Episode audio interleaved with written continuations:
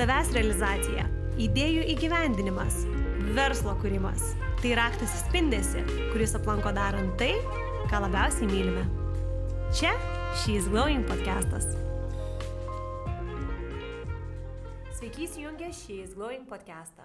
Šalia manęs Gintautė Valūnė, papuošalų dizainerė ir kurėja, bei prekinio vardo Gintautė Val įkūrėja. Sveika Gintautė. Labas, Davilė. Gintautė, ačiū, kad čia atvykai. Man labai gera tave čia matyti. Ačiū, kad pakvietai.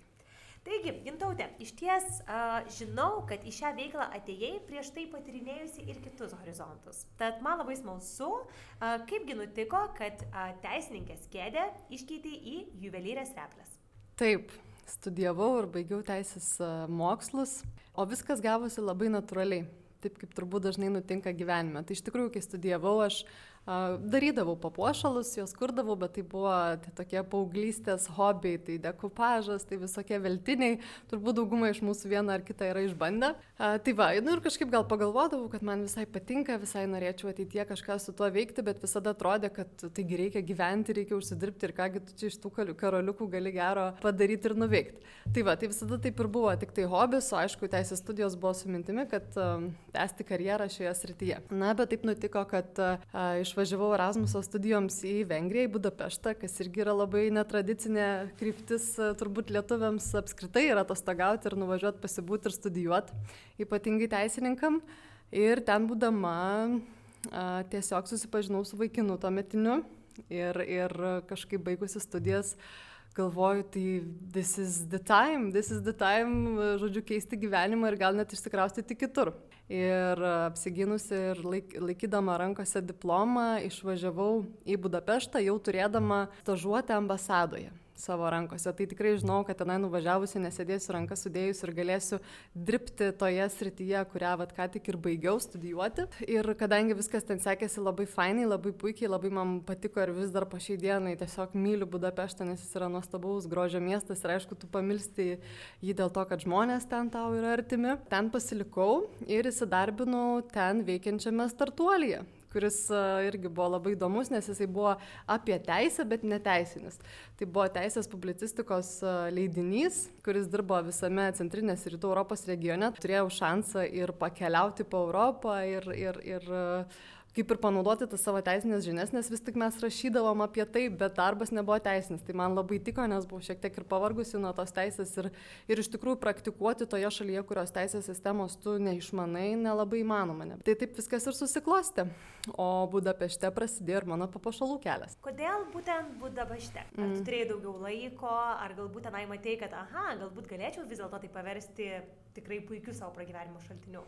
Tai buvo absoliutus visiškas atsitiktinumas. Aš tiesą sakant, kaip tik dirbdama tame startuolėje ieškojau vietos, kur galėtume su įmonė renkti vakarėlį, organizuoti renginį ir ėjau po miestą ieškodama lokacijų. Aš buvau prieš tai internete pasižiūrėjus, užsidėjusi taškus, kur čia man eiti, visur su tuo GPS vaikštai, kai dar nežinai miesto, nepažįsti. Ir e, žiūriu, kabo iškabo vieno butiko koncepto parduotuvės, kurią sekiau Instagrame. Na nu, ir aišku, aš užėjau, nes mangi labai reikia pasižiūrėti, kaip ten viskas viskas atrodo gyvai, ne per telefono stikliuką ir pradėjau bendrauti su ten esančia dizainerė sėdinčia. Ir mes taip išsikalbėjom ir aš sakau, nu, taip suprantu, man čia viskas labai gražu, tas dizainas labai fainas, sakau, aš irgi čia turiu tokį hobį, taip labai kukliai apie viską pradėjau pasakoti ir jinai drąsiai sako, parodyk, ką darai. Telefone pradėjau rodyti nuotraukas apyrankių, tokių su kvarciniais akmenimis, kurias kaip tik tuo metu dariau ir buvau atsivežusi į Budapeštą, kadangi tai mano hobis, tai tiesiog e, įrankius ir tos pačius akmenis ir, ir šį priemonės joms gaminti. Ir jinai taip pasižiūrėjo ir sako, wow,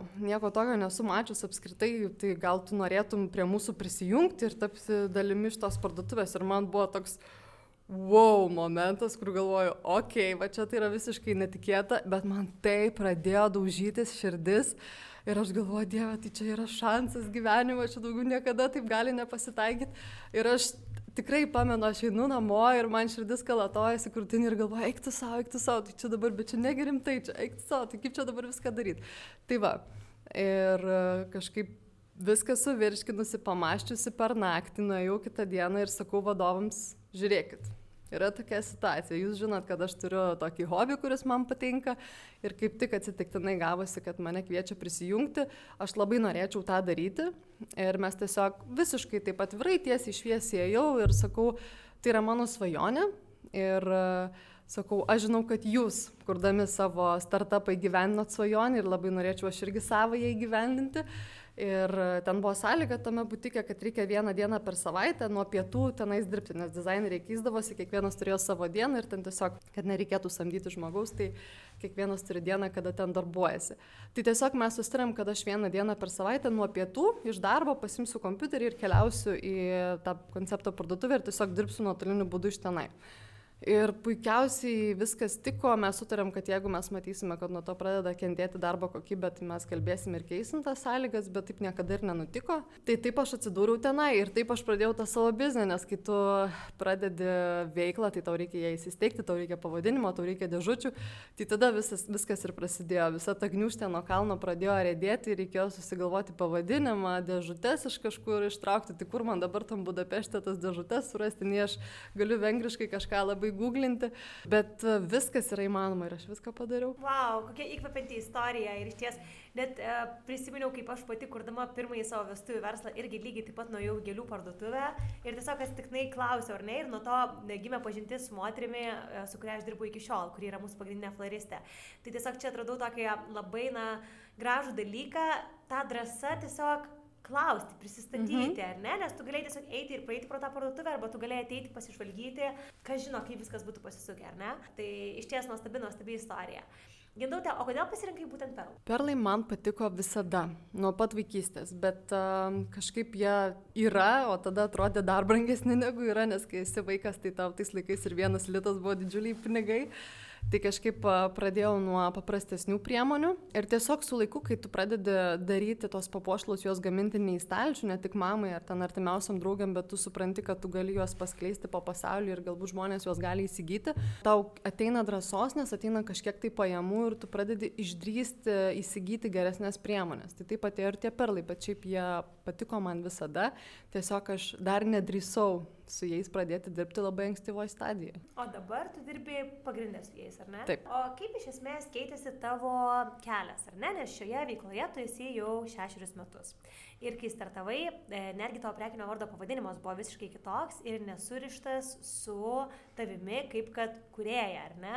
Taip. Tai papasakok apie šitą kelią. Tai čia ko gero buvo būtent dėl to, kad aš dar įsivaizdavau save kaip teisininkę, kai jau pradėjau galvoti apie kažkokį tai prekės ženklą įkūrimą ir apskritai nenorėjau savęs sieti su papuošalais, aps... norėjau tiesiog pasislėpti po to prekiniu vardu ir mano pirmasis pavadinimas buvo Kamu, kodėl neklausk, pati nežinau. Tiesiog taip sugalvojau, man buvo gražus skambesys, jisai nieko bendro neturėjo su mano vardu. Ir vat taip aš jį paprastai, man pusė serė nupiešė logotipą ir, ir buvo tokios, pamenu, juodos paprastos papirinės dėžutės, bet e, buvo kamu.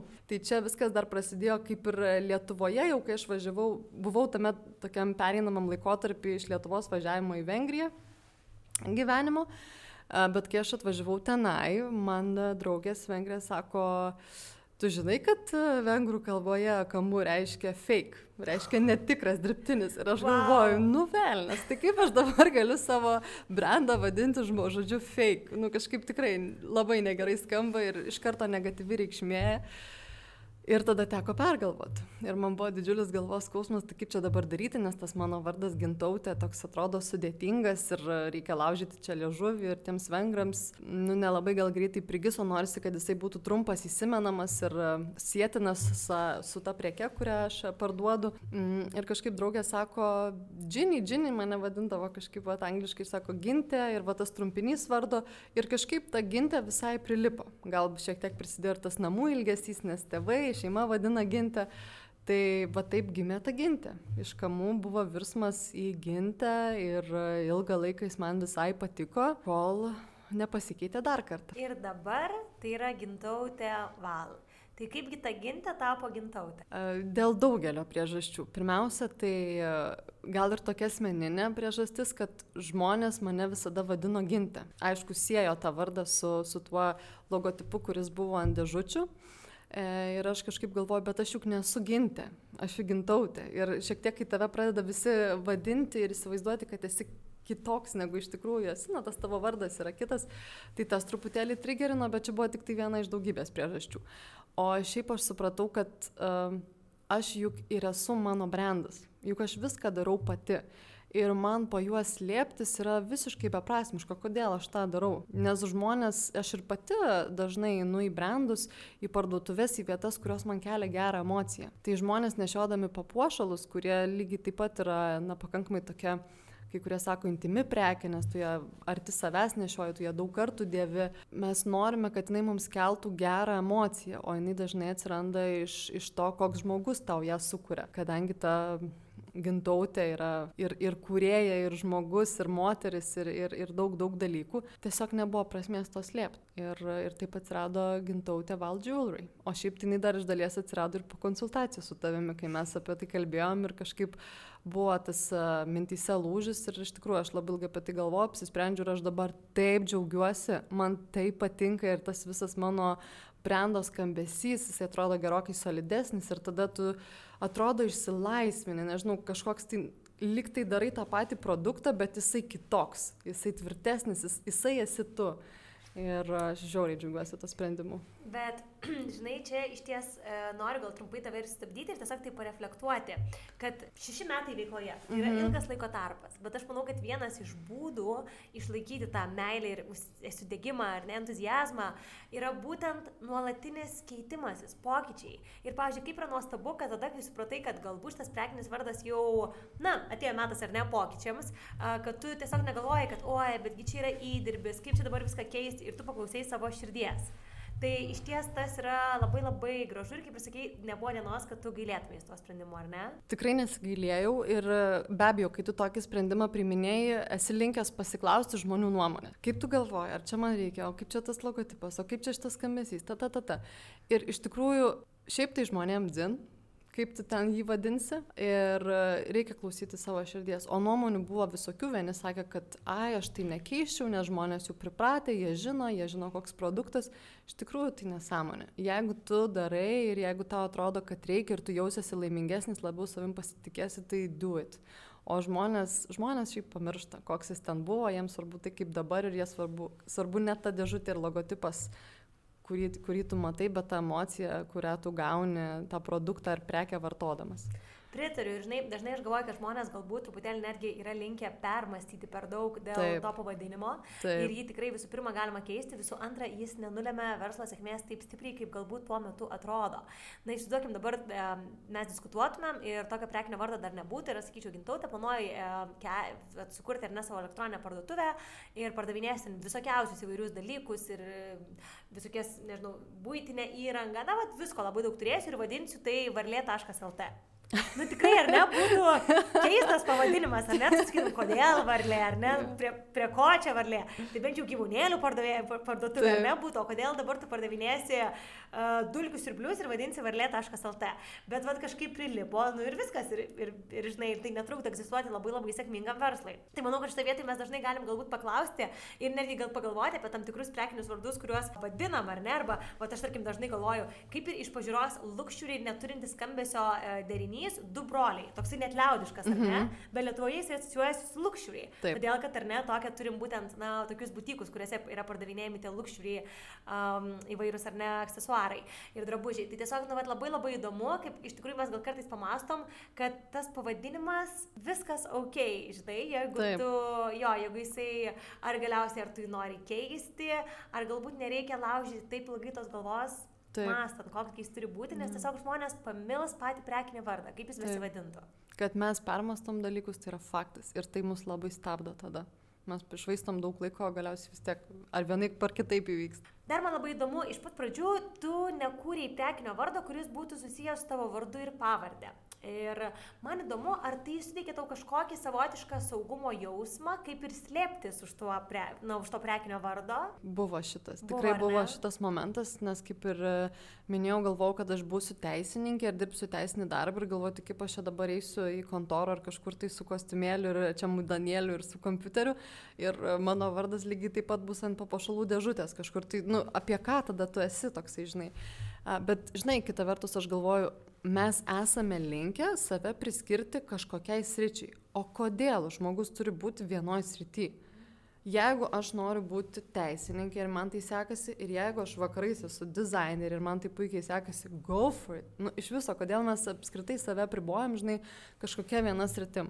Tai šiaip man tiek gyvenant užsienį, tiek keliaujant, tiek, nu, apskritai gal brestant, augant kaip asmenybė, atėjo tas suvokimas, kad nereikia sprausti savęs rėmus, būti kažkokioj tik tai vienoje srityje arba geru vienoje vietoje. Aš manau, kad mes esam geri žymiai daugiau kur, negu mes įsivaizduojam, jog esam. Wow, dabar manau, kad tu pasėjai minčių begalės klausytojų galvoje, kurie taip klausė ir galvoja, oho, žinai, aš manau, kad gal tai yra įprasta pro to, kad, na, iš ties kažkaip mes dažnai siejam save su kažkokia profesija, ar ne? Taip. Aš esu Asta ir aš esu daktarė. Vat, Taip. žinai, kažkas tokio.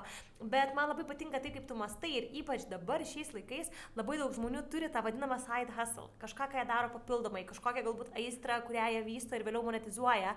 Ir tas dalykas jau yra dažnai pasenęs. Aš pati asmeniškai pažįstu tikrai ne vieną žmogų, kuris vysto įvairias skirtingas veiklas ir tai gali būti vienas iš, viena iš priežasčių ar nenoras papildomai užsidirbti, kita iš priežasčių gali būti, kad aš tiesiog esu multi-passionate. Man mhm. patinka daug skirtingų dalykų ir su tuo nėra nieko blogo. Tai vėlgi šitą vietą man labai rezonuoja tai, kad tu pasakėjai, nes prisimenu, man buvo lygiai tas pats, kad aš galvoju, aš turiu vestuvių verslą, verslo konsultacijos ir aš irgi tave mačiau, kaip dabar man save pristatyti, kas tu tai pateikti, ar ne? Jo, kas aš. Ir tada aš ir pati savo atsakiau, kad aš esu Davilė Urbanaitė moteris, kuri vysto įvairias skirtingas veiklas, jas rėda šimto procentų, bet tuo pačiu neapsiriboja tik vienu dalyku. Ir ta laisvė, kurią savo suteikiau, man buvo, nu, wow, tai va dabar klausau tavęs ir galvoju, kad tai buvo lygiai tas pats. Tu suteikiai savo leidimą būti daugiau negu tiesiog viena profesija. Taip, aišku, po to įvyko tas virsmas, kai, kai tu supranti, kad vis tik tai širdis yra turbūt ne, ne, ne kodeksuose, o kūryboje ir perluose, bet lygiai taip pat man jie yra gyvas ir tas kitas pradas, kuris man leidžia bendrauti su žmonėmis, aš esu labai ekstravertiška, neturiu tos senos baimės, labai man puikiai sekasi ir patinka dėstyti savo mintis ir, ir ta nauja veikla, kurią aš dabar pradėjau užsiimti, irgi gimsta iš to, kad dalis mano asmenybinių savybių nebuvo įgyvendintos, jos nebuvo išlaisvintos tame, kai tu sėdi prie stalo ir tu tiesiog gamini papuošalą. Nes tada taip, tu tada įgyvendini savo darbštumą, tu įgyvendini savo kūrybinės savybės, tu bendrauji su klientu, bet tai juk aš esu gerokai daugiau. Tada atsirado ta kita veikla. Bet kaip svarbu yra savęs paklausti, ar dabar aš atskleidžiu save. Ir čia iš tikrųjų e, klausytėjams labai rekomenduočiau įsijungti Astos Dagilės podcastą, gali pasidaryti savo prie sekančių perklausimui, nes ten irgi buvo Astos įsakyta labai panaši mintis, kad, sako, aš panirau į tą buhalterijos pasaulį, bet supratau, kad aš ilgiuosi iš esmės tos, mm -hmm. sakykime, ar ne, galimybės būti prie žmonės ir, na, va, ar ne, to tojo kaip ir scenos dalinai, ar ne, galima būtų sakyti.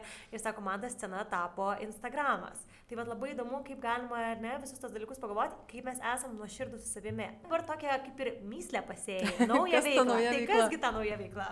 Jo, tai čia buvo, kad klausytojai suprastų, buvo ir teisė, tada buvo perėjimas į papuošalus ir papuošalų verslą, o nauja veikla yra gimusi iš, iš to papuošalų verslo ir jinai labai su to susijusi, tai a, dabar organizuoju jau keli mėnesiai papuošalų gamybos workshopus. Tai yra galimybė moteriams ateiti ir ragaujant tikrą šampaną šampaną, kaip aš sakau, aš jums nepilsiu kokių čia šiaip paprastų burbuliukų, bet mes, jeigu jau ateinam, tai darom normaliai mergos. Ir mes, žodžiu, pasipilstam šampaną, turim kažkokį tai skanų užkandį, trumpai papasakoju apie perlus ir tada mes nerėm į kūrybą. Tai aš moteriams duodu įvairių skirtingų rūšių perlų, visas priemonės, medžiagas ir tiesiog jos kūrė savo papuošalą. Prie kiekvienos prieinu, pakonsultuoju tiek dėl paties dizaino, dėl ilgio, kai kurios ateina labai konkrečiai žinodamos, ko nori, susiradusios įvairių pavyzdžių, nuotraukas išsisaugojusios ir daro būtent tai, kitos visiškai leidžia pasinerti kūrybą ir tokių dalykų, žinokit, išeina ten, kad wow, aš net pati nustembu ir uh, Šiaip moteris yra amazing. Tikrai, wow, aš nežinau, dabar nuo rugsėjo mėnesio m, mm, rengiu šituos workshopus, tai vat pas, uh, paskaičiavau, kad apie 80 moterų uh, pas mane jau apsilankė, tai visos išėjo su vėriniu, uh, visos išėjo su papuošlu, tai aš kaip sakau, merginos, žinokit, šitas workshopas tai yra garantuota sėkmė, nes visos išeisit pasipuošę. Ir įsivaizduokit, nebuvo nei vieno tokio paties visi skirtingi, nes visas susikuria kažką pagal save, pagal savo asmenybę. O kaip tau kilo mintis pradėti organizuoti tokius workshopus, nes iš tikrųjų apie kažką panašaus Lietuvoje aš nebu, nesu girdėjusi. Tai iš tikrųjų tokio dalyko bent jau kol kas tai tikrai niekas ir, ir nesiūlo.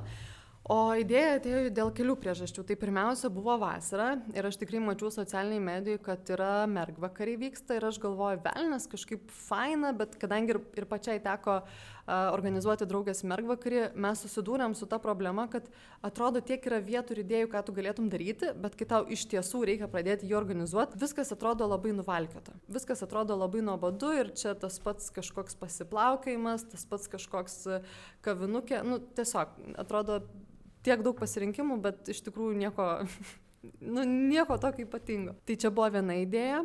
Kita, aš kaip ir, aš iš tiesų prisimenu, kad kai registravau savo veiklą ir tau reikia sužymėti ar ne veiklos rytis, buvo pas mane tikrai įrašyta ir vis dar yra mokymai. Tai aš tą mintį pasirodo jau buvau pasėjusi labai labai seniai, bet ko gero visa ta veikla, žodžiu, darbai, kaip sakant, pasimiršta tau tos pradinės idėjos, pradinės mintis ir aš ją dabar jau iškrapščiau iš, iš tų savo užmirštų dalykų, kuriuos planuoju daryti. Tai aš galvojau kažkada apie mokymus, bet man rytum atrodė, kad kaip aš dabar mokysiu žmonės, tai aš čia savo prisidarysiu krūvą konkurentų, nes jie ateis, apmokysiu, kaip tai daryti ir po to savo tiesiog sukelsiu labai labai daug, jo, konkurentų tiesiog labai daug atsiras.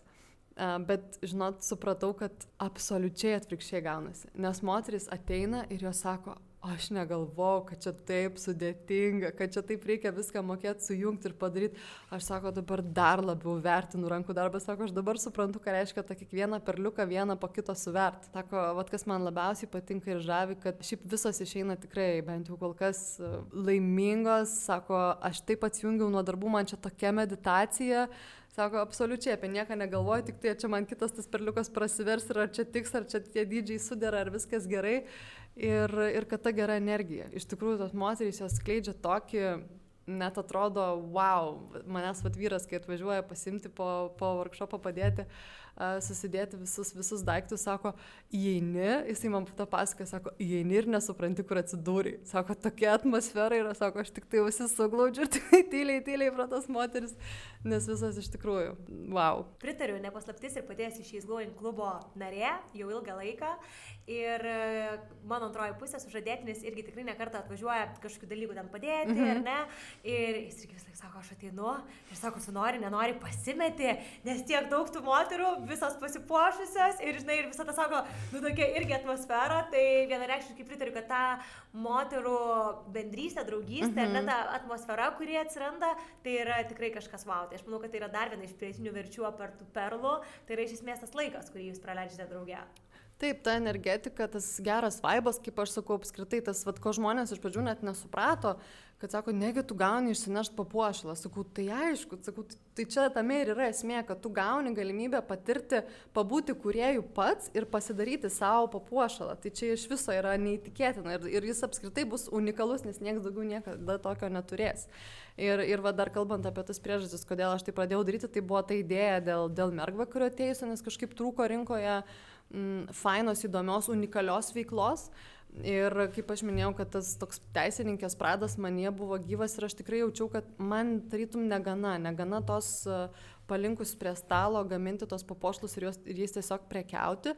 Aš suprantu, kad žmonės ateina tos energetikos, tos energijos ir jie siejasi prie žmogaus, kuris tą veiklą veikia. Vat, pavyzdžiui, kaip ir tavo šis glowing klubas. Aš manau, jeigu tavęs nebūtų, jisai negyvuotų. Nes žmonės ateina tavęs, žinai, ateina iš tavęs pasi, pasikrauti energijos, žinių, tos nuotaikos, to tokio užsikūrimo, veikti, daryti.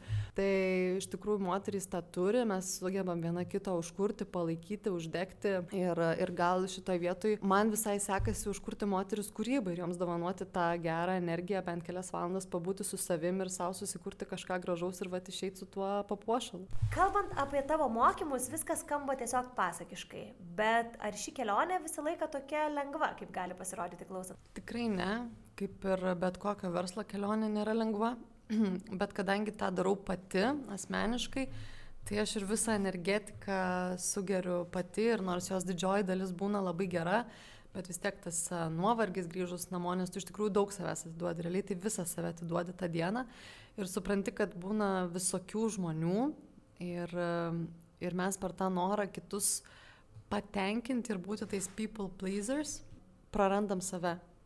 tiesiog labai labai daug savęs atiduodam, išvaistom, išdraskom, išmėtom visur pakampėm ir tada nelieka ką parsinešti namo. O kai yra žmogus šalia tavęs, kurį tu myli ir kuris myli tave ir tu nori kartu kurti gyvenimą, toliau jį statyti, bet visa tai, kad tu parsineši namo, tai yra liūdėsys dėl kažkokios nesėkmės, liūdėsys dėl to, kad galbūt neišėjo taip, kaip tu tikėjai, gali greuti, gali pradėti greuti tavo asmeninę laimę. Ir aš manau, kad čia yra ta didžioji rizika ta didžioji rizika to asmeninio verslo vystymo, veiklos vystymo, kad niekada nebūna to tokio didelio stabilumo, kaip tu norėtum. Ir kartais nesiseka ir va tas asmeninis prekinis ženklas, ar ne, kai viskas eina per tavo asmenybę, tai tu lygiai taip pat viską ir prafiltruoji tą per savo kūną ir sielą. Ir aš turiu prisipažinti, aš dar nemoku taip užsiblokuoti. Aš kartais įsivaizduoju, kad moku, kartais apsimetu, kad moku, bet iš tikrųjų tai nemoku. Ir, ir labai daug tenka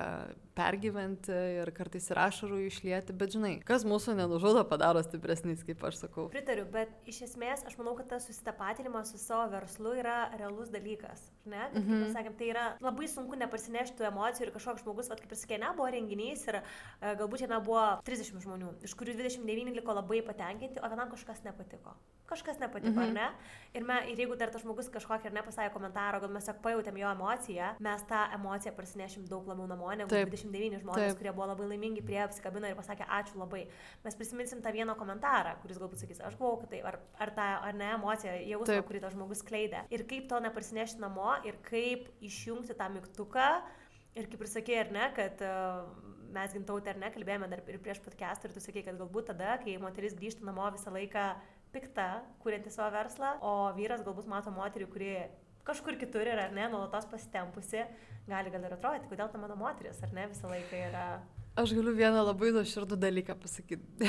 Žodžiu, buvo čia šią žiemą visiškas darbų, net, net nerandu to žodžio, tiesiog perkrova visom prasmėm, tiek emociniam, tiek, tiek darbų prasme. Aišku, labai smagu, kai sekasi, labai smagu, kai žmonėms patinka ir tu atiduodi tą visą save. Bet kai tau po truputėlį tęsiasi nemiga, kai tau po truputėlį tęsiasi nuovargis, tu ir taip sukaupi didžiulę koncentraciją savo likusios geros energijos, kurią tu visą atiduodi tame workshopė ir todėl moteris išeina laimingos, bet tau nelieka tos, to gėro parsinešti namo. Ir aš, nu žinokit, taip ir pasakysiu, kaip buvo. Sėdžiu aš ant uh, unitazo vonioje ir žliumbiu krovinom ašom, atrodo kaip pandas, su nubėgusiu makijažu, visos akis juodas. Ir mano vyras sako, gintaučiukai, aš tavęs net pažįstu. Ai, me, kai mes susipažinom, taip nebuvo. Ir man tada dar labiau nori įsiverkti. Taip, aš verkiu ir, ir daug kartais ir man tai padeda išlėti tą emociją, paleisti ir nelaikyti savį. Bet iš tikrųjų, nu, kodėl mano mylimiausias, artimiausias žmogus turi mm, sugerti tą neigiamą... Taip, ne, ne nuolat, bet bent jau pastaruoju metu iš to nuovargio tai buvo. Ir, taip Ir uh, iš tikrųjų tai nėra teisinga jo atžvilgiu. Tai tą priminti savo yra. Jo, priminti savo, kad kažkaip tuos prioritetus ar ne, kad Ediendo vedai, tai kas vis tik tai yra svarbiausia. Ir man svarbiausia yra šeima ir ryšys su, su mylinčiais e, žmonėmis, kuriuos aš žiauriai branginu. Tai ar tas verta? Tikrai ne. Mm, tik tai dažnai pamirštam ir aš pati pamirštu ir va dabar kalbu ir atrodo, kad taip, gintautė, nepamiršiu ir daugiau taip nedarysiu, bet aišku, turbūt ateina ta emocija, kuri tave visiškai užvaldo nuo plaukų galiukų iki pirštų ir e, vėl tu ją pasineri ir vėl tos ašros bėga ir nuovargis ir atrodo, čia niekas nesiseka ir visi tave iš visų pusių kramto ir rėda ir, nu, bet toks gyvenimas. Aš tik kartais sakau, nu, tas suaugusiųjų pasaulis nėra toks draugiškas ir geras, kaip atrodė vaikystėje. Bet man čia taip rezonuoja, žinok, aš to laikotarpiu irgi jaučiausi lygiai taip pat, kad toks jausmas, kad žinai, tu turi antrąją pusę, ar ne? Aš irgi tam laikotarpį mes planuojame vestuves. Yra šeima, yra artimiausias bičiulės, klientai, komanda. Ir man pastarį mėnesį visą laiką buvo jausmas, kad aš visur blogai varau. Ta prasme, žinai, niekam atrodo, su visais, nu niekam atrodo ne not performing well anywhere. Žinai, kaip būna, ta prasme, toks jums, kad aš kaip ir bandau į visas pusės Aha. bėgti ir visiems kaip ir, žinai, nu, suteikti ir tą dėmesį ir visą kitą, bet jausmas, kad feilinu visur, net savo šuniui. Man, žinai, aš grįžtu namo, man kartais atrodo, o dieve, jinai vėl, nes aš vėl grįžau namo vėlai, jinai piktai, jinai buvo visą dieną viena namie. Toks jausmas, kad aš galvoju, o dieve, I'm disappointing everybody. Ir tada pradedi dar labiau graužtis. Tai iš tikrųjų labai pažįstamas, pažįstamas jausmas ir geras priminimas, kad dažnai yra svarbu pagalvoti apie prioritetus. Ir kaip ir sakai, ypač kai veikla įsivažiuoja, nori sakyti taip visiems, galbūt projektam ar nepasiūlymam, klientam. Uh, bet e, tada taip pat reikia suprasti, kad kiekvienas tas taip turi ir kažkokią kainą. kainą iš, iš tikrųjų, kai darai tą savo veiklą ir jinai atrodo dar tik įsivažiuoja, vad pradedi kažkokį naują produktą siūlyti, bijai pasakyti ne, nes atrodo dieve, tai jeigu aš dabar pasakysiu ne, tai tada nueistas ir, ir žodis, kad čia gal nesutinka ir atrodo prarasi kažkokią tai finansinę gražą ir tada imi, imi, imi tuos užsakymus ir žinai, kai jie per ilgą laiką tau sukrenta, ten kažkas paskambina vieną savaitę, tada kitą savaitę kažkas kitas, bet tau po to tą patį procesą, tos workshopus reikia pravesti per vieną savaitę kokius tris, tai va tada tai galvoju, okei, okay, gal ir galėjau čia kažko atsisakyti. Ne, bet bendrai tai čia buvo tiesiog emocija, kuri tie grinai iš nuovargio, bet e, taip jau jeigu nuoširdžiai, tai viskas yra gerai, aš žiauriai džiaugiuosi tuo, ką darau, aš esu visiškai, kaip tau sakiau, on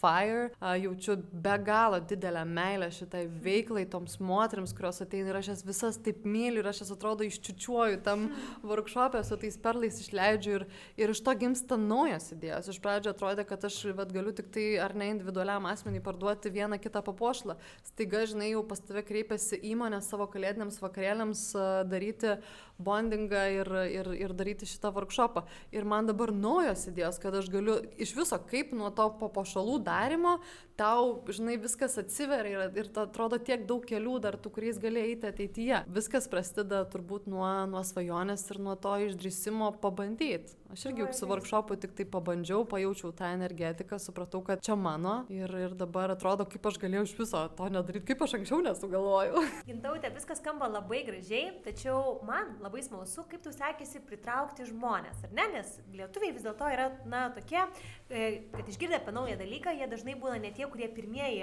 kelia mhm. ranką ir sako, noriu sudalyvauti, o tie, kurie labiau stebi ir galvoja, ar čia įdomu, ar bus verta. Tai, pavyzdžiui, kaip tu reklamavai tokią naują paslaugą? Pirmiausia, tai aš pasidariau pirmąjį workshopą su draugėmis. Tiesiog sumečiau visas į Facebook'o chatą, sakau, mergos, žiūrėkit, čia noriu daryti tokią naują veiklą, bam, bam, bam, sakau, jums ten reikėtų gražiai apsirengti, kad man neiškristumėt iš, iš fono, nes bus fotografija, darysiu video medžiagą Reelsams, nes noriu marketingą daryti, galiu priimti ne visas dėja, atsiprašau, bet padovanosiu visoms vieni žodžius, surašiau taisyklės ir galvoju, aišku, aš turiu tą konceptą susigalvojus, aš turiu jį išsigvildenusi, susikūrusi bet man reikia faktiškai pažiūrėti, kaip jisai veikia. Aš juk negaliu žmonėms siūlyti produktą, kurio nesu išbandžiusi. Tai va, tai tada labai nirtinga kova ten visas polė rašyti, nes aš pirmiausia, pirmoms šešioms, kurios parašo, e, suteikiau tą galimybę ateiti ir pasidariau ir tada aš jį dariau tam, kad gaučiau medžiagos reklamai, pasidaryčiau, nes buvau pasisamdžius pasiemusi fotografiją ir videografiją ir kad gaučiau feedbacką. Nes man atrodo tikrai niekas nuoširdžiau nepasakys negu tavo artimos draugės, kuriuoms aš sakau, žinokit, dabar galit mane skalbti, viską daryti, sakyti taip, kaip buvo ir ką galėčiau keisti, tobulinti ir kas buvo gerai. Ir mano pačios nuostabio džiaugsmui šiaip iš tikrųjų gavau labai mažai kažkokių tai pastabų ir, ir jos iš tikrųjų buvo labai naudingos, aš jas po to pritaikiau vėliau ir jos tikrai labai pasiteisino, tai iš tikrųjų buvo labai labai geras sprendimas pasikliauti draugėmis, pasidaryti pirmąjį pasibandymą savo, pasižiūrėti, kaip tai veikia ir tiesiog jį pasidaryti tam, kad aš gaučiau medžiagos, kurią galiu naudoti reklamoje. Tai va, O po to taip ir padariau. Buvo rilsai, aš juos dėjau į Instagramą, bet šiaip tai labai puikiai veikia reklama iš lūpų į lūpas. Nes kadangi tai yra unikali veikla, niekas to nesiūlo, moteris žiauriai nori. Joms yra labai įdomu Ir e, va taip pas, jos visos pasidalino tuo, ką veikia, jau jų draugės pamatė, tada atėjo idėjų, sekėjų, žmonės pradėjo rašyti, užklausti, aišku, niekas neskuba pirkti ir leisti pinigų, aš pati neskubu e, pirkti pačių pirmų daiktų, kuriuos pamatau, bet tada tu pamatai antrą kartą, pamatai, kad jau kažkas kitas buvo, galvoji, faina, tada prasidėjo visas šitas kalėdinis e, procesas, aišku, aš dar dariau keletą viešų, kur žmonės gali tiesiog įsigyti bilietą ir ateiti po vieną, tai jie irgi buvo, nu, pasakiški, nes sakau, mes ten kai susėda merginos nuo bokso treniruotės iki visiškos savirealizacijos, nes tu kai sėdi prie to stalo, nors jos yra visos svetimos, bet kažkaip ta energetika, tu kuri tą papuošlą, viritos perliukus ir tu nori bendrauti, tu nori dalintis tuo, kuo gyveni, e, visos svetimos, nepažįstamos ir tiesiog norisi pabūt kartu pabendrauti. Ir, ir žinau, kad iš jo keletą merginų susibondinusios ir kavos, jau po to kartu gerti apsikeitė kontaktais. Ir atsakau, bet sako, aš čia viriu tos perlus ir man taip rankos dreba, nes vakar buvau į boksą treniruoti ir tada visas kvatoja išsi, išsivysto kalba apie kitus pomėgius, ką veikia, pasisėmė geros energijos įkvėpimo. Žiauriai faina, aš taip pati pasikraunu tiek daug geros energijos ir turbūt čia irgi labai svarbu, kad pats save realizuotum. Juk mes vis tiek atdiendovė tai darom nu, dėl savęs dalykus. Pritariu, tačiau man dar labai įdomu, kada pas tave atėjo tas suvokimas, kad uh, norint kurti ir iš to išgyventi, reikia ir parduoti. Nes tu labai gudriai iš karto pagalvoji, ar ne, kad jeigu aš noriu pradėti siūlyti šią paslaugą, man reikia turėti kažką, ką parodyti, ar ne? Ir tu puoliai įgyveninti būtent tą marketingo, sukurti mm -hmm. būtent tą marketingo medžiagą. Tai vad labai įdomu, ar tu iš karto ir supratai, ar turėjai tą verslumo gislelę, nes tikrai dažnai kalbu su moterimis, kurios sako, aš taip norėčiau tiesiog kurti, bet pardavimai mane tiesiog net purto, aš taip norėčiau, kad kažkas už mane pardavinėtų. Ar turiu verslumo gislelę, aš nežinau, tiesą sakant, nemanau nemanau, kad aš ją turiu, arba bent jau žiūrėdama į tą savo visą praeitį, kaip aš pradėjau, aš nebuvau ta verslininkė, kuri iš karto pamato galimybės ir jas griebė, bet aš to mokausi. Aš labai stebiu aplinką ir suprantu, kad jeigu tu nori iš to pragyventi, tai tu turi, nu, tu turi daryti tam tikrus veiksmus. Ir yra krūvos medžiagų, tie patys šis Glowing klubo mokymai ir, ir informacija, kur tu gali rasti susitikimai, YouTube'as, nu viskas, tiesiog gali stebėdamas Instagramą žiūrėti, kaip žmonės daro, kaip jie daro marketingą. Ir žiūrėti, kas tau tinka, kas netinka. Iš tikrųjų, lengva sakyti, kai tau reikia daryti, tada at, atsiranda daug iššūkių ir ne viskas išeina, kartais atrodo, aš čia nenoriu siūlytis, čia kažkaip ne man, žmonės juk turi ateiti pas mane ir taip ir žinoti, ką aš darau. Ne Žmonės nežino, jo, kaip jie atras. Jeigu žino tavo mama, sesė ir kelios draugės, ką tu darai, tai čia tuo ir pasibaigia viskas. Jo, iš tikrųjų, tu turi kalbėti, skleisti, dalintis ir dar ir dar kartą, ir, ir šimtą į kartą. Ir, ir apskritai, nu, turi, kai tu tiki tuo, ką tu darai, apie tai kalbi, tada, man atrodo, ir įvyksta lūžis. O jeigu mes e, džiaugsimės to produktu namuose tyliai stalčiui, nu, tai tada jisai ten ir liks stalčiui. Nu, tai tiesiog kažkuriuo metu tu turi pralaužti, turi pralaužti tą ledą. Bet dabar to dar aktyviai dirbi ir būtent vystant savo asmeninį prekinį vardą.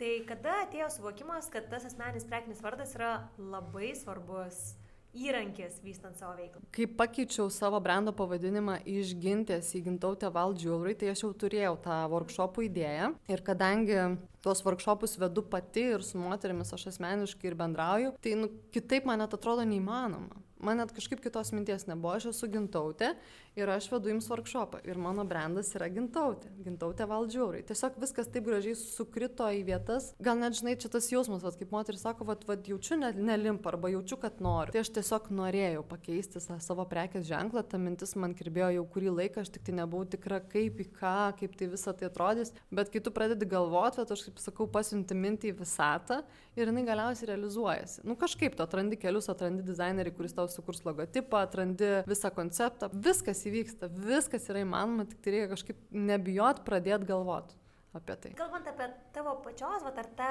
tą prekinį vardą, iš tikrųjų, mm -hmm. tu esi matoma, ar ne, kaip ir sakė, esi ir tokia ir ekstravertė, bet ar yra kažkokie specifiniai dalykai, va, ką tu darai, ar ne, nes, na, turiu omenyje, kad tu esi matoma, tai tave galima buvo pamatyti ir ne vienoje žurnale, ar ne, tai buvo apie tave parašyti straipsnį, tarkim. Um, bet kokius dalykus darėjai būtent tam, kad tavo tas vardas taptų garsesnis? Aš manau, kad viskas klojasi nuo vieno perina natūraliai per, prie kito, žinai. Tu kalbi apie tai Instagrame, rodaisi, tada kažkas tave pamato, tada kažkam parekomenduoja, tada tas kažkas galbūt yra žurnalistas, kuris rašo straipsnius, tada į tave kreipiasi studentų žurnalistė, kuri parašo, na, būna ar ne tie studentai nori sukaupti kažkokią tai patirtį, parašo straipsnį, tu įsidedi, tada jį paskaito gal jau toks profesionalesnis žurnalistas, tada jau jisai susidomi ir va taip tiesiog vienas per kitą atsiranda tos pažintys ir tos galimybės. Kažkokių labai tokių specifinių veiksmų, kad kažkam rašyti, baginti, ten žodžiu, įsiprašinėti ar dar kažką nedariau, aš tiesiog stengiausi būti matoma, skleisti žinę apie tai, ką aš darau. Ta mano istorija iš tikrųjų yra išskirtinė, nes žmonių, kurie ir ta Vengrija visada žaidžia, tas dažnai pavadinimas neįprastos šalies kad aš tenai pradėjau veiklą, tada grįžau Lietuvą, man iš tikrųjų kaip reikėjo, jau atrodo, tu turi sukūręs kažkokį tai kapitalą žmonių, turi verslą pradėjęs, turi savo prekės ženklą ir staiga tu grįžti į Lietuvą ir tarytum turi, bet iš tikrųjų neturi, nes tau viską reikia pradėti iš naujo, nes tai, kas įdomu ten, galbūt neįdomu čia. Ir vat, jo, tai aš apie tai tiesiog pasakau, skleidžiau tą žinią, skleidžiau informaciją ir po truputėlį žmonės atsirado. O kodėl tu grįžai į Lietuvą? Grįžau dėl asmeninių priežasčių, jo. Uh, tai ir, ir dėl šeimos, ir dėl meilės, ir, ir apskritai gal supratau, kad, kad ir kokia man miela ta Vengrija, tiksliau Budapeštas gal net labiau, nes labai skiriasi iš tikrųjų Budapeštas nuo pačios Vengrijos. Tai, kad ir kiek, koks jis man mielas, kad ir kaip aš myliu tas savo draugės, kurios ten yra, ir, ir, ir kad ir kaip man ten patinka gyvenimas, tai nėra mano šalis. Ir aš tai pradėjau galvoti, tokie eina metai, aš čia dirbu šitam startuolį, bandau vystyti savo prekės ženklą, bet tai kas toliau? Negi taip visada ir bus. Ir man po truputėlį pradėjo ateiti, turėjau tą savo fan laikotarpį, gyvenau žiauriai fainai, linksmai, laimingai, turėjau savo gražiausias ir linksmiausias jaunystės dienas turbūt kol kas, tikiuosi dar ne pabaiga.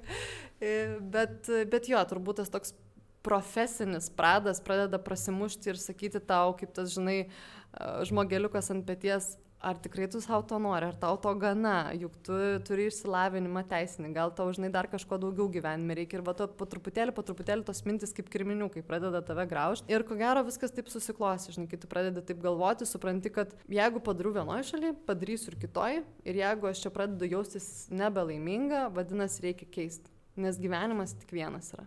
Ir va taip, žinai, labai natūraliai pradėjus apie tai galvot, planuot, labai viskas gražiai susidėliojo, aš labai labai gražiai išvažiavau ir netgi sugebėjau išvažiuodama vis tiek e, tęsti tenai veiklą toliau vystyti ir mano papušlai yra didžiausiose Budapešto mados namuose dar po šiai dienai. Tai iš tikrųjų ypatingai šiais laikais, kai galima pristatyti prekes per porą dienų ar net per vieną dieną, Tai, nu, nėra ribų. Kraušys Lietuvą, buvai įstikinusi, kad tęsi tą pačią veiklą ar mąstė apie kažką kito? Iš pradžių, kai grįžau, tai grįžau kaip ir niekur, turėdama tiesiog tą savo aistrą kurti papuošalus ir žiūrėjau, kas iš to išeis. Aišku, dar greta ieškausi kažkokių kitokių darbų, nes e, dėl, tiesiog dėl finansinės e, padėties nesijaučiau visiškai stabili, užsimdama tik tai šituo, e, bet šiaip tai grįžau be plano. Grįžau be plano, bet su didelė meilė širdį. Ir kaip nutiko, kad ir čia atsirado perlai, ir Lietuvoje. Parsivežiau, parsivežiau tą kūrybą, meilę kurti, o šiaip tai iš pradžių buvo labai įdomi, kadangi prasidėjo viskas nuo butiko. Vengrijoje tai buvo kaip ir mano tokia pradžia ir uh, tasai verslo modelis, kurį aš žinau, kuris man pažįstamas, patogus ir saugus, nes aš galiu prekiauti internetu, bet taip pat yra vieta, kur žmonės gali ateiti, tą daiktą pačiupinėti, pasimatuoti ir įsigyti. Ir grįžus į Lietuvą aš čia neturiu nieko. Tai ką aš dariau? Kadangi ne, ne, nebuvo jokių kitų darbų, tai aš tiesiog susidėdavau savo papuošlus į dėžutes, ir į kojas. Aplink miestą, va taip visiškai tuo old schooliniu būdu, per butikus, per parduotuvės tiesiog parodyti tai, ką aš darau. Ir mano pačios nuostabai, ta prasme, beveik visos parduotuvės, į kurias aš, užėjau, sutiko su manim dirbti, tai tada jau netgi man teko rinktis, kur aš noriu. Ir taip ir atsitiko, kad aš per kelis mėnesius atsidūriau visose didžiausiose Lietuvos miestuose. Tai Vilnius, Kaunas, Klaipeda ir vasara Nida. O dabar, kai pradėjai vystyti veiklą čia Lietuvoje, ar ne, e, kaip greitai pavyko pasiekti sėkmę? Kas yra sėkmė? Na, sėkmė tai sakyčiau, kad tai, kas tau bent jau tuo metu atrodė kaip, kad ar ne, geri rezultatai. Tai įtariu, kad jeigu tai būtų vienas pardavimas per tris mėnesius, mm -hmm. nebūtų turbūt sėkmė. Žinai, priklauso nuo tavo lūkesčių, kokius išsikeli. Jeigu lūkestis yra dabar man susirasti bent penkis būtikus Lietuvoje, tai va aš per kelis mėnesius tai padariau. Kai tu pasieki šitą žingsnį, galvoju, okei, okay, Kas toliau? Jau man atrodo, kad jau mano sėkmė čia baigėsi, jau man reikia daugiau, tas apetitas auga. Tada tu susikūri internetinę svetainę. Ok, turi internetinę svetainę, tai dabar reikia tų daugiau pardavimų. Tai va tas sėkmė, toks, žinai, relativus dalykas, kuris nuolat keičiasi. Kažkuriuo momentu, momentu pradeda atrodyti, kad man jau nebegana to, ką aš darau, jau noriu daugiau, jau man gal ir nelabai sekasi, bet tu pats įsivaizduoji, kad tau nelabai sekasi. Kitam iš šono gal atrodo, kad tau labai sekasi. Man atrodo, kad čia yra toks vidinis jausmas. Jeigu tu jautiesi laimingas, darydamas, užsiimdamas tam tikrą veiklą, tai man atrodo, čia jau yra sėkmė. Jeigu tu atradai, nes yra žiauriai daug žmonių, kurie apskritai blaškosi ir netranda, ir netranda gal visą gyvenimą. Palėtėjai labai gerą vietą. Labai daug žmonių pradeda naujus metus mintimis apie tai, kaipgi atrodys šie metai. Ir tikrai manau, kad ir yra mūsų klausančių, kurie galvoja, aš taip norėčiau pavaryti, bet aš nežinau, kas yra man skirta. Tai ar turi kažkokių patarimų, kaip atrasti tą vietą, tą ar ne kelią, kur galėtum jaustis labai gerai? Pabandyti. Dažnai mus ir mane gal net pradžioje šiek tiek varžė ta visuomenės nuomonė, atrodo, baigi teisę, įgyji išsilavinimą, tiek prakaito išlėjai, kad uh, įgautum tą diplomą. Ir galiausiai, vat, išeini karaliukų vert, kaip kai kurie sako. Nu, bet jeigu aš jaučiuosi laiminga tai darydama, tai ką man dabar su tuo diplomu? Džiaugiuosi, kad aš tą teisę baigiu ir man iš tikrųjų jinai labai pasitarnauja, nes uh, verslo vystimas tai toli gražu neapsiriboja perlo prie perlo dėjimu tai yra finansai, tai yra sutartys, kurias tu sudarinėjai su parduotuvėm, tai yra labai labai labai daug dalykų, e, kuriems pasitarnautų žinios, kurios aš įgyjau ir šiaip gyvenime labai pasitarnauja. Tai visą tai, ką mes išmokstam, tikrai nereikia nešioti ant kupros, visą tai labai, pas, labai labai naudinga.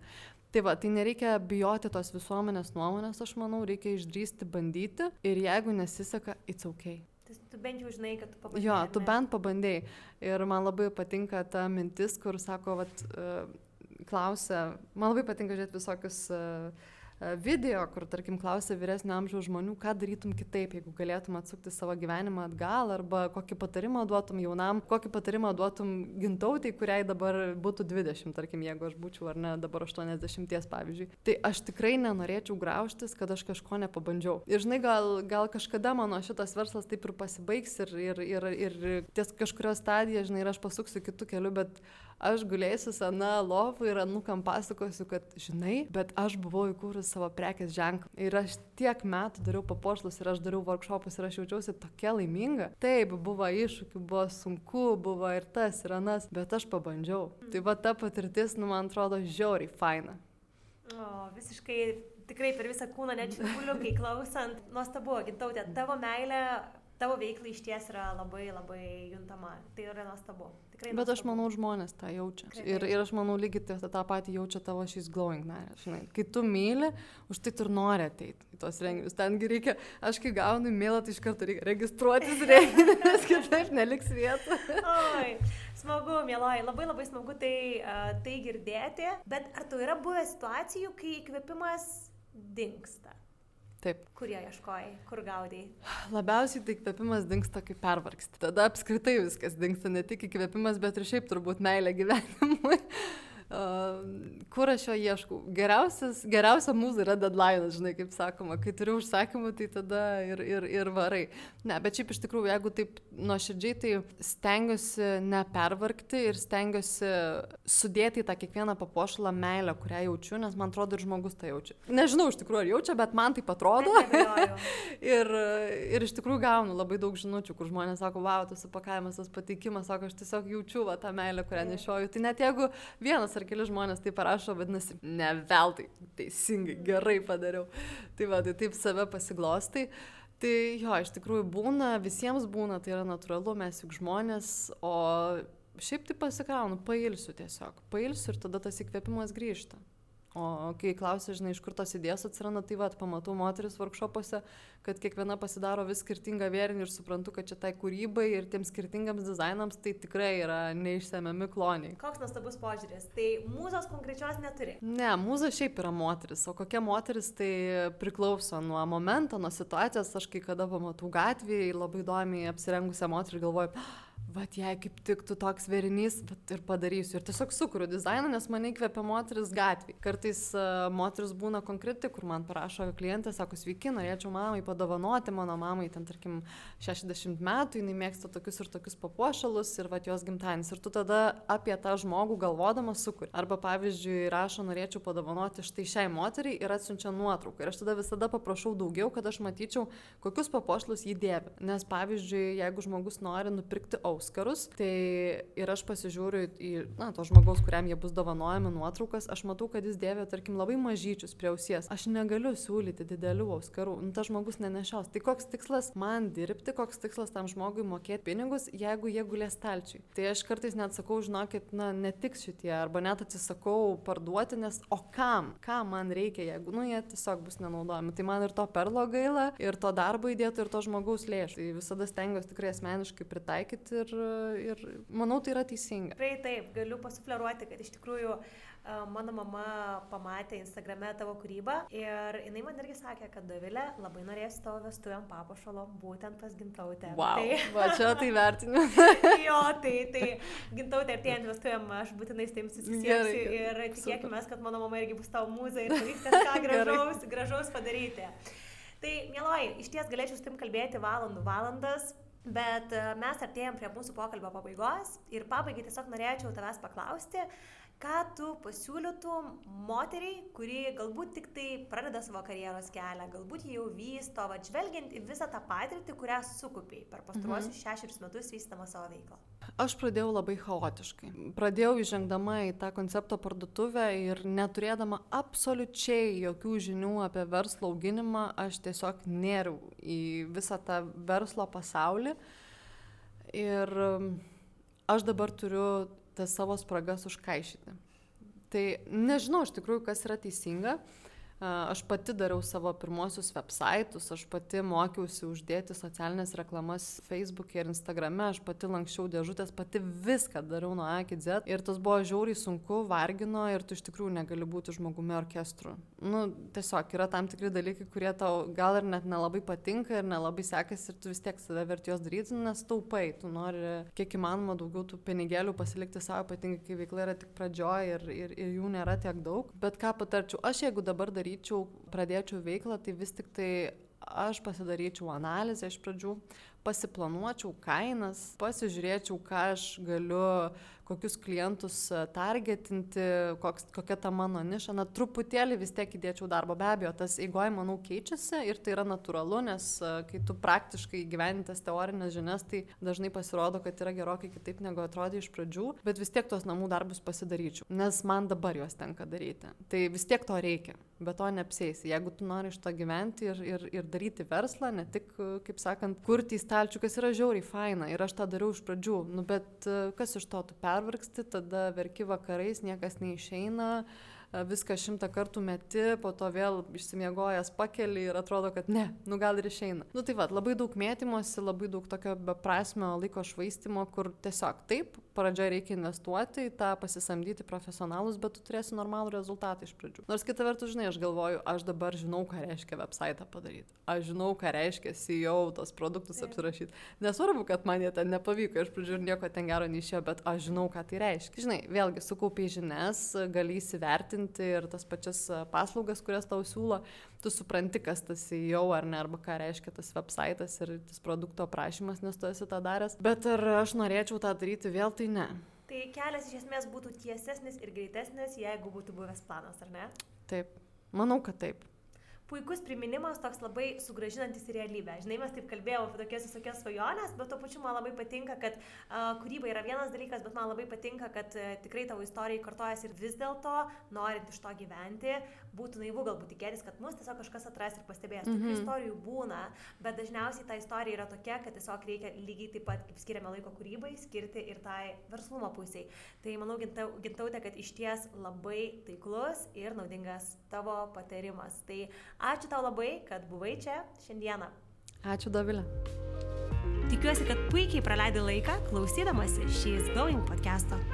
O jei nori daugiau bendrystės, nuostabių ir įkvepiančių istorijų, naujų žinių, renginių ir kitų privilegijų, kurias gauna tik She's Going klubo narės, keliauk tiesiai į mūsų internetinę svetainę www.sheisglowing.lt ir tap mūsų klubo nare.